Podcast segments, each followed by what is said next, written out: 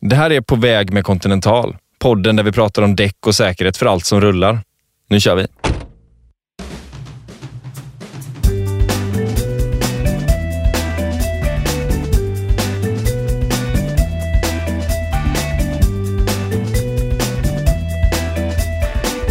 Hej hej! Idag är det extra kul tycker jag för att vi har med oss eh, Continentals ambassadör Mikaela Olin Kotulinski. No offense alla mina andra gäster, men jag är extra glad. Hon är Sveriges första kvinnliga STCC-segrare. Eh, vi kommer prata om Extreme E, en ny racingserie som körs på bland annat glaciärer, regnskogar, öknar och sådana här ställen. Men framför allt så ska vi lära oss lite mer om den här racingdrottningen. Hej Wow. välkommen! Tack så jättemycket. Vilken presentation. Ja, det, Det var så stort. får det bli. Så Ja, det bli. tack, tack. Men, men för oss, eller jag vet ju vem du är, men för de som inte vet vem du är riktigt, kan du berätta för dem vem du är? Ja, men jag tävlar ju racing och har hållit på med motorsport sedan jag var 12 egentligen. Och ehm, ja, som du sa, tävlar STCC har gjort det senaste tre åren. Med och är testförare för Continental eh, för Extrem E och utvecklar däcken där. Mm. Så jag kör, jag kör mycket bil. Mycket bil. Får jag fråga, hur, hur, hur är man racingförare när man är 12? Är Ja. det i sådana bobbycars då man Eh, har? Nej, men det, då körde jag gokart. Men faktiskt, första gången jag körde gokart, då var jag sex år gammal. För eh, min familj höll på allihopa typ med motorsport. Så min eh, morfar vann faktiskt Paris-Dakar 1980. Wow. Så ja, men det var, det var coolt, fast jag fanns ju såklart inte då. Men eh, första gången jag körde gokart, då var jag sex år gammal. Men då nådde jag inte fram till gokarten, för jag är ganska kort. Jag är 1,62. Mm. Så, eh, och då såklart var jag än mindre. Och då tänkte min pappa så här, smart, vi tar en träkloss på gaspedalen så att den kan åka iväg i alla fall. Och det kunde den ju. Det är ju bara det att alltså når man inte gaspedalen då når man inte bromsen heller. Nej. Så jag åker iväg och så snurrar jag och så stängde inte gokarten av sig utan ja, men, ja, motorn stannade inte så jag fortsatte åka. Och så åker jag tillbaka som mot depån och så slänger min pappa ut däck då i banan för att försöka stoppa mig. Och jag minns, och jag var ändå ja, men sex år gammal, men jag minns hur jag sitter i gokarten och bara vad gör han? Så jag svänger undan de här däcken. Ah. Mm, redan då hade jag lite känsla för liksom, spårval och svänga undan. Ja, ja. Men sen så till slut kom ju eh, depån och den här stolpen då som jag åkte in i. Där kom stolpen. Ja, Eh, Men det blev ändå kanske stolpe in kan man tycka för att efter där, det Ja. var, väl, var det efter det här som du började med, med, med racing? Liksom? Nå, alltså, då var jag sex år gammal så jag väntade faktiskt sex år innan jag satte mig en gokart igen. Ja. Så det tog lång tid innan det blev stolpe in. Men till slut var det det. Ja. Men då körde jag gokart från att jag var 12 tills jag var 19. Mm. Och sen gick du över till lite tyngre grejer. Mm, ja, det var det. Men jag var ganska nära på att, att sluta då. För att jag, men jag har varit alltid, eh, alltid väldigt eh, ambitiös i saker jag gör. Så när jag gick gymnasiet så men, superduper pluggade. Och så tränade jag gymnastik. Så jag hade väl gymnastik och dans. Jag hade åtta träningar i veckan och gokart på helgen. Oj. Ja, så den, sen när jag gick ur gymnasiet där så skulle jag välja. Då stod det mellan dans och racing. Mm. Men då eh, vann jag, eller vann jag, eh, var med i toppen på en uttagning till att tävla i Tyskland. Och då blev det att jag valde racing. Det är lite olika saker det där, dans och racing. Ja, man kan tro det, men alltså Köra bil är ju mycket med koordination och timing och så. Och det är precis samma sak som med dansen. Så att eh, alltså jag ser att jag har en vinning av att jag har dansen i, i ryggen. Eller Jag köper det. Ja, Du dansar fram på pedalerna nu kan man ja säga också. ja. Ja. ja. Men eh, om vi säger så här då. Eh, vad, vilka tävlingar har du gjort och, och finns det några speciella minnen från några tävlingar som varit extra häftiga eller, eller Mm. jobbiga eller någonting sånt? Ja, jo, men jag har både och. För nu, nu har jag ju kört åtta år banracing. Och det är ändå, alltså gud det är ganska länge. Jag brukar Mm. alltid tänka att det inte är så himla många år, men nu har det blivit det. Så eh, mina två absolut bästa, liksom största moments, det var väl 2014 då vann jag ett race som första kvinna. För det ska man säga, det är inte alla kanske som vet det, men motorsport är en av få sporter där eh, kvinnor och män tävlar på lika villkor. Okej. Så, eh, så då vann jag som första kvinna den här eh, Volkswagen-kuppen som var nere i Tyskland. De hade kört den i 17 år, så det gjorde jag 2014. Så det var ju en stor dag. Ja, det förstår jag. Så jäkla coolt. Ja, nej, men det var, det var, ja, nej, men det var coolt. Men sen så ehm, efter det så fortsatte jag tävla och så hade jag väl en lite alltså, tyngre period. Det var, det var mycket jobb och jag ehm, eh, Många tror ju att racing är så här, man bara sprutar champagne och lush life. Men det är inte riktigt så. Utan man kanske Attans. kör... Jag hade hoppats det. du tänkte att vi byter jobb nu efter idag? Ja, lush life är alltid lush life. Ja, ja, nej tyvärr är det inte så. Är man på the very, very top då, nej, det är klart det är inte bara lyxliv där heller. Man måste ju träna hårt och så, men framförallt för mig då så är det mycket resande och event och jobb vid sidan av. Och just 2016-17 så vart det väldigt mycket. Och då hade jag väl, när du frågade där om en lite sämre tävling, Ja. då hade jag en krasch i, eh, på Sandtorp i sista sväng och det var så här. Det var precis att man kunde åka fullgas med nya däck och var det gamla däck som då hade lite sämre grepp, då fick man liksom släppa av gasen lite inför svängen. Ja. Och då var det ju så att jag släppte av gasen lite, tappade kontrollen på bilen, typ så här 240 och eh, körde in i en vägg och flög runt med bilen. Fy. Ja, och då trodde de väl att jag hade brutit nacken och så, vilket jag som tur var inte hade gjort. Mm. Men så det var inte en bra träning. Så efter det, eller tävling. Så efter det så eh, hade jag svårt att ja, tycka att det var kul igen. Ja. Men sen till 2018 så tänkte jag om hela konceptet med allt. Inte bara tävlande utan också vilka jag samarbetade med och vad jag gjorde och hur jag la upp samarbeten.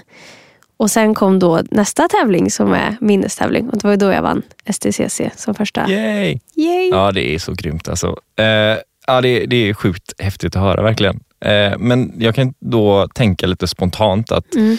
att ha Continental som en... Eh, att vara ambassadör för just Continental kanske känns lite bättre då eftersom att de ändå du verkar ha en väldigt eh, personlig relation till just det här med grepp och vikten av att ha bra däck på bilen.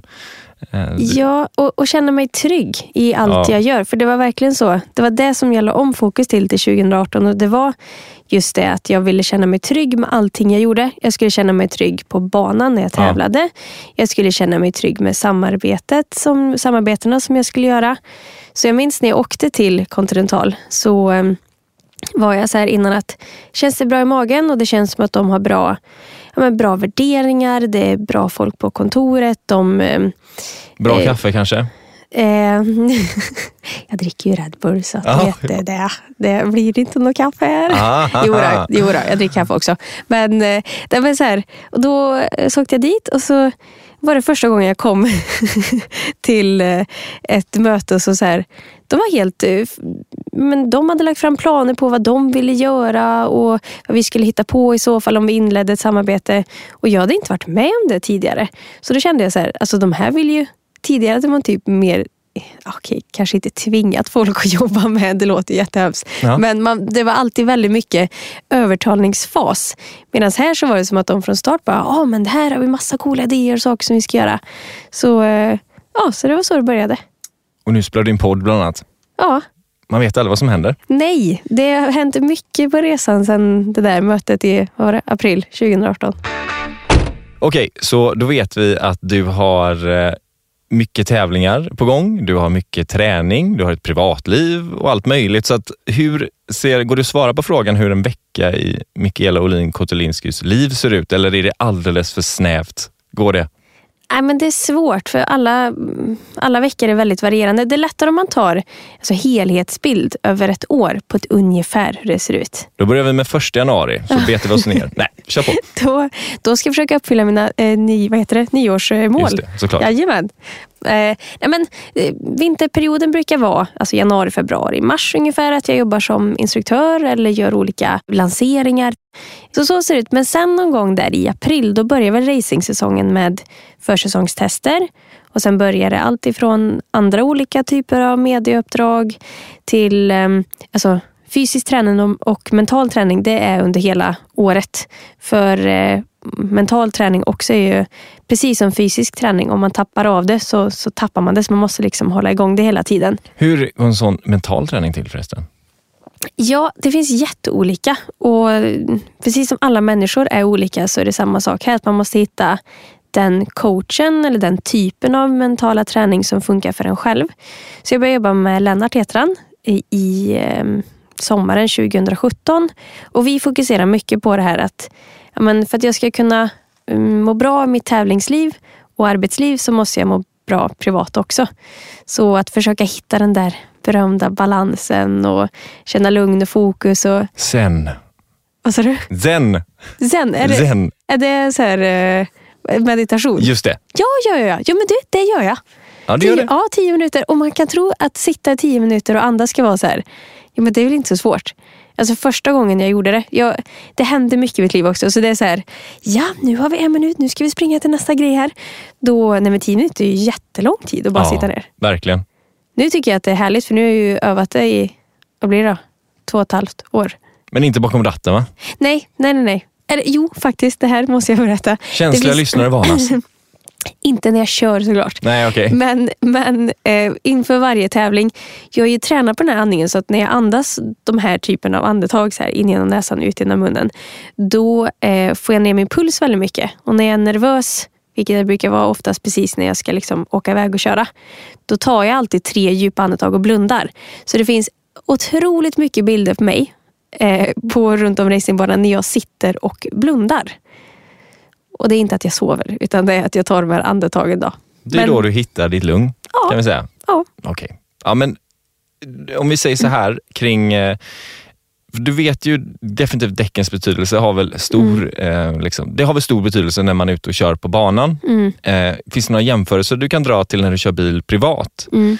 Eh, Vilka lärdomar har du tagit med dig från banan till privat och tvärtom? Alltså, det går ju direkt att översätta. Sen är det klart att vi åker ju på ytterligheterna och gränserna när det kommer till banracing. Jag menar, där är det, vi pratar någon oh, jättelite förändring i däckstryck för att det ska bli perfekt. Eh, vi pratar såklart så ofta som det går nya däck för att få det här bästa gummit som är framförallt i början på sådana här slicksdäck som det heter som vi kör på. Och Um, för vår del, och det tror jag också, det är lättare för allmänheten att förstå att ah, men det är klart man ska byta nya däck på racingen för bilen ska gå så fort som möjligt och inställningar och så. Ja, Men jag tror att många inte förstår det på sin vanliga bil. För, för vår del då, om man ska ställa om bilen, om man har dåliga däck och man inte har något grepp, då spelar det ingen roll vad vi gör på den. För jag kommer ändå inte kunna utnyttja det jag ställt om. nej just det. Och det är lite samma sak med den vanliga bilen. Man har ju alla säkerhetssystem med antispinn och antisladd och så. Har man inte bra grepp så, så kan inte systemen jobba ändå. Det känns som en viktig poäng faktiskt. Ja, men det, det är inte så många som förstår det. Jag har en, en kompis. Hon eh, har köpt en ny bil för, nu är det väl kanske fem år sedan då. Och så skulle vi åka upp till Åre och så hade hon sagt innan, hon bara, alltså det är något konstigt med den här bilen. För du vet, jag får typ så lite små eh, sladd hela tiden när det var en bakhjulsdriven bil. Eh, och så vet jag att jag tittade på hennes däck och jag bara okej. Och då lyckades jag få till ett bra pris och hon fick nyare, bättre däck. Hon bara, gud det är ju en helt annan bil. Och jag tror inte att man fattar förrän man verkligen får den jämförelsen att det är jättestor skillnad. Ja, ja men det är kanske det man ska, man ska känna upp, alltså uppleva det själv, skillnaden på något sätt. Ja, för det är klart att man kan, jag kan stå här och prata och man kan försöka förmedla via film och så, men absolut bästa är när man verkligen får uppleva själv svart på vitt vilken om en skillnad det är. Om man får fråga, hur mycket tid, vad tillbringar du mest tid i en eh, racingbil eller i din egna privata bil? Verkligen privata bilen. Ja, det är så. Ja, jag kör, jag kör mycket. Det gör jag. Har bilisterna, dina medtrafikanter, respekt för dig när du åker fram? Jag, jag har ju dekaler på min bil. Dels fr- från mitt team, PVR Racing Team och sen har jag Continentalloggan och så. Så den ser ju ganska sportig ut. Mm. Eh, och det händer väldigt ofta att folk eh, kör ikapp mig fort för de ser att oj, oj, oj, det här är typ någon typ av lite mer speciell eh, bil. De vill vara på styva linan då? Jajamän, sen så kör de om upp vid sidan. Så tittar Ah. de in, så ser de. Jaha, där sitter en tjej och kör. Så då liksom gasar de förbi. Och sen så, för grejen är också den att jag det är klart att det är roligt med en ny bil som går fort och så, men jag får ju leka av mig på det sättet när jag jobbar som instruktör på, vintern eller på racingbanan. Så jag känner inte det här behovet av att nögasa på Säröleden liksom? Nej, exakt. Men då är det ju många då som märker att när jag inte gasar ikapp då blir de nästan så här irriterade. Så då saktar de ner igen och så lägger de sig bredvid. Och jag kör alltid bara, titta rakt fram Mikaela, titta rakt fram. Ge dem inte någon liksom... Må- Inget, inget finger? Nej, nej, nej. Nej, Eller försöka få dem att visa att jag vill tävla för att nej. Men det gör du så, så mycket ändå. Ja, men på, Det är ändå ja, kaxigt. Vad sa du? Det känns ändå kaxigt. Ja, men jag kan tycka, ibland, ibland skrattar jag åt det. Men Ja. ibland kan jag bli lite så här, men snälla. Och ofta är det såklart alltid någon liten, så här, någon, någon annan, eller något annat bilmärke som också är lite sportigt. Då är det som att de vill mäta sig lite då med, med min bil. Folk alltså. Ja, nej. Du nämnde Extreme E också. Vad, vad är det för de som är oinvigda? Jo, men det är ett projekt som eh, startades. Eh, idén kom väl på, vad blir det, hösten 2018. Och jag fick själv ett samtal utav eh, ja, en på kontinental Sverige om, om, om den här idén och om jag skulle vara intresserad. Och jag fick veta att ja, men det ska vara en helt offroad-serie som ska vara eh, eldrivna SUV-bilar. Och det här ska då eh, uppmärksamma klimatförändringarna som sker runt om i världen. Och det ska vara på extrema platser. Okej. Och när man hör det här så tänker man, ja, det vore ashäftigt, men kommer det här ens vara möjligt? Det vore häftigt om det gick. Ja, liksom. det är ungefär så tänker man. Men eh, då fick jag veta då att Continental skulle vara founding partner till det. Jag fick veta att det är samma organisation bakom det här projektet som det var till Formula E. Och Det är de här eldrivna formelbilarna som kör i olika städer runt om i världen. Och när de startade för flera år sedan så sa folk så här, alltså de är helt crazy, det här kommer aldrig funka. Men nu är det en jättesuccé. Gud vad roligt. Ja, så eh, då vart jag med på tåget till Extrem E och Continental frågade om jag ville vara med och utveckla däcken till bilen för den här serien. Okej. Så jag, Känns ändå som en hyfsad eh, central del av det här projektet om man säger så. Det kan man verkligen säga. Alltså, Ja. Det är en stor uppgift. Så, men i och med att det bestämdes projektet, man skulle bygga bilen. Så första testet gjorde vi här nu, riktiga testet gjorde vi i oktober. Och i och med att jag menar, Continental har ju mycket erfarenhet sedan tidigare med offroad-däck och 4x4. Så eh, vi hade en bra grund att starta på. Nu är det lite fine-tuning saker som man ska tänka på. Mm. Typ eh, man ska ange till exempel vilka hjulvinklar som är max och min så att däcket ska slitas eh, på rätt sätt då, till de här tävlingarna. Sen är det klart också, jag menar de här tävlingarna kommer ju vara att man åker så snabbt som möjligt eh, under en, en kort period. Annars åker man ju inte så snabbt som möjligt eh, hela tiden i vanliga fall. Nej, det vore ju jobbigt. Ja, det vore dumt. Men vad har, det varit för, har ni varit på några eh, häftiga platser och sånt eh, redan nu? Ja, om man pratar just eh, lanseringen av bilen. Vi visade upp den på Goodwood Festival of Speed i England. Och Det är också ett av de största motorsportsmecka som finns. Så Det var superhäftigt att vara där och ta del av atmosfären, köra bilen.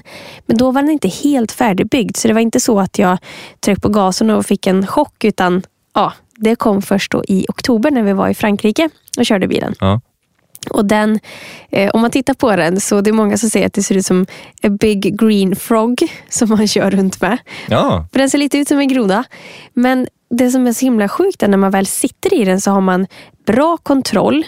Nej, det är klart att det inte känns som en gokart men man känner sig ändå ett med bilen och det är mycket det man pratar om när man ska köra verkligen. bil. Att man, ja, men, ja, man känner sig ett med bilen. Men ändå är den så brutal så man kan åka över typ vilka stenar som helst och det bara hoppar till lite i bilen. Det känns inte så mycket. Jag har hört att det ska kännas som ett strykjärn som åker över en fin blus nästan. Att man ska känna så här, alltså verkligen att du, du är där. Ja.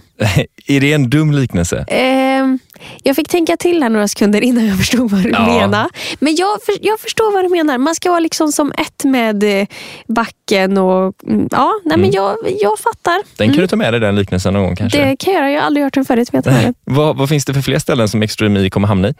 Ja, dels så är det ju, det finns ju vissa platser som man har nu ehm, annonserat. Så dels bland annat eh, Grönland, Russell-glaciären. Det låter ju sjukt häftigt. Ja, och framförallt för min del så är det väl, ja, men när man kommer ifrån Skandinavien och snö och Island som vi är, så ska det bli jättehäftigt att, att få åka dit och så. Men sen så, framför allt det som är, är ju att det handlar ju om att ta de här tävlingsserien till de här platserna. Ja. Just för att uppmärksamma det som sker. Eh, där då titta såklart på att glaciärerna smälter. För jag menar, jag, jag tror mycket på det här att man, man läser i media, man vet i media, man vet att, eh, att klimatförändringarna sker. Men jag tror att när man verkligen får se det själv eh, och får en bild av det så, så förstår man det mer och då är man också mer villig att faktiskt ta mer medvetna beslut. Och då kan man då med motorsporten och tävlandet på det här sättet nå ut till ännu fler. Så att ännu fler blir mer medvetna om och tar bättre val. Så, eh, så är det eh, hur bra som helst. Jag tror du har helt rätt. Jag hoppas det. Nu kommer en liten fråga som jag brukar ställa till mina gäster i podden. Eh, och eh, Det känns extra intressant. Jag vet inte varför, men det känns, eh, det känns väldigt intressant i alla fall. Eh, så jag undrar, Mikaela, när bytte du dina däck själv senast? Alltså jag själv, av med däcken, på med däcken, kränga av. Också. Kränga av och Ja, Ja, kränga av kanske du inte behöver Nej. göra, men byta dem i alla fall. ja. Hela hjulet. ja, det är nu det här kommer fram hur otroligt tacksam jag är över mitt team. För utan mitt team så hade jag inte kört en meter. Ah, Så eh, jag, eh, senast jag bytte ett däck som jag bytte själv senast, det var ju för sig för kanske två månader sedan. Men alltså alla fyra. Jag får nog erkänna att jag eh, minns inte när det har skett någonsin. Så att utan mitt team så jag skulle vara en nobody. ditt team. Jag ser framför mig att det är åtta pers som springer fram och bara eh, på, på fem sekunder och sen är du iväg. Liksom. Ja, inte det så? riktigt fem sekunder. För Ah. vi har ju vi har inte bara en centralbult som det heter, utan vi har flera. Så Ja. det tar lite längre tid. Men eh, nej, det är eh, absolut, vi är fem personer på min bil. Som fram där och liksom på med däcken, av med däcken.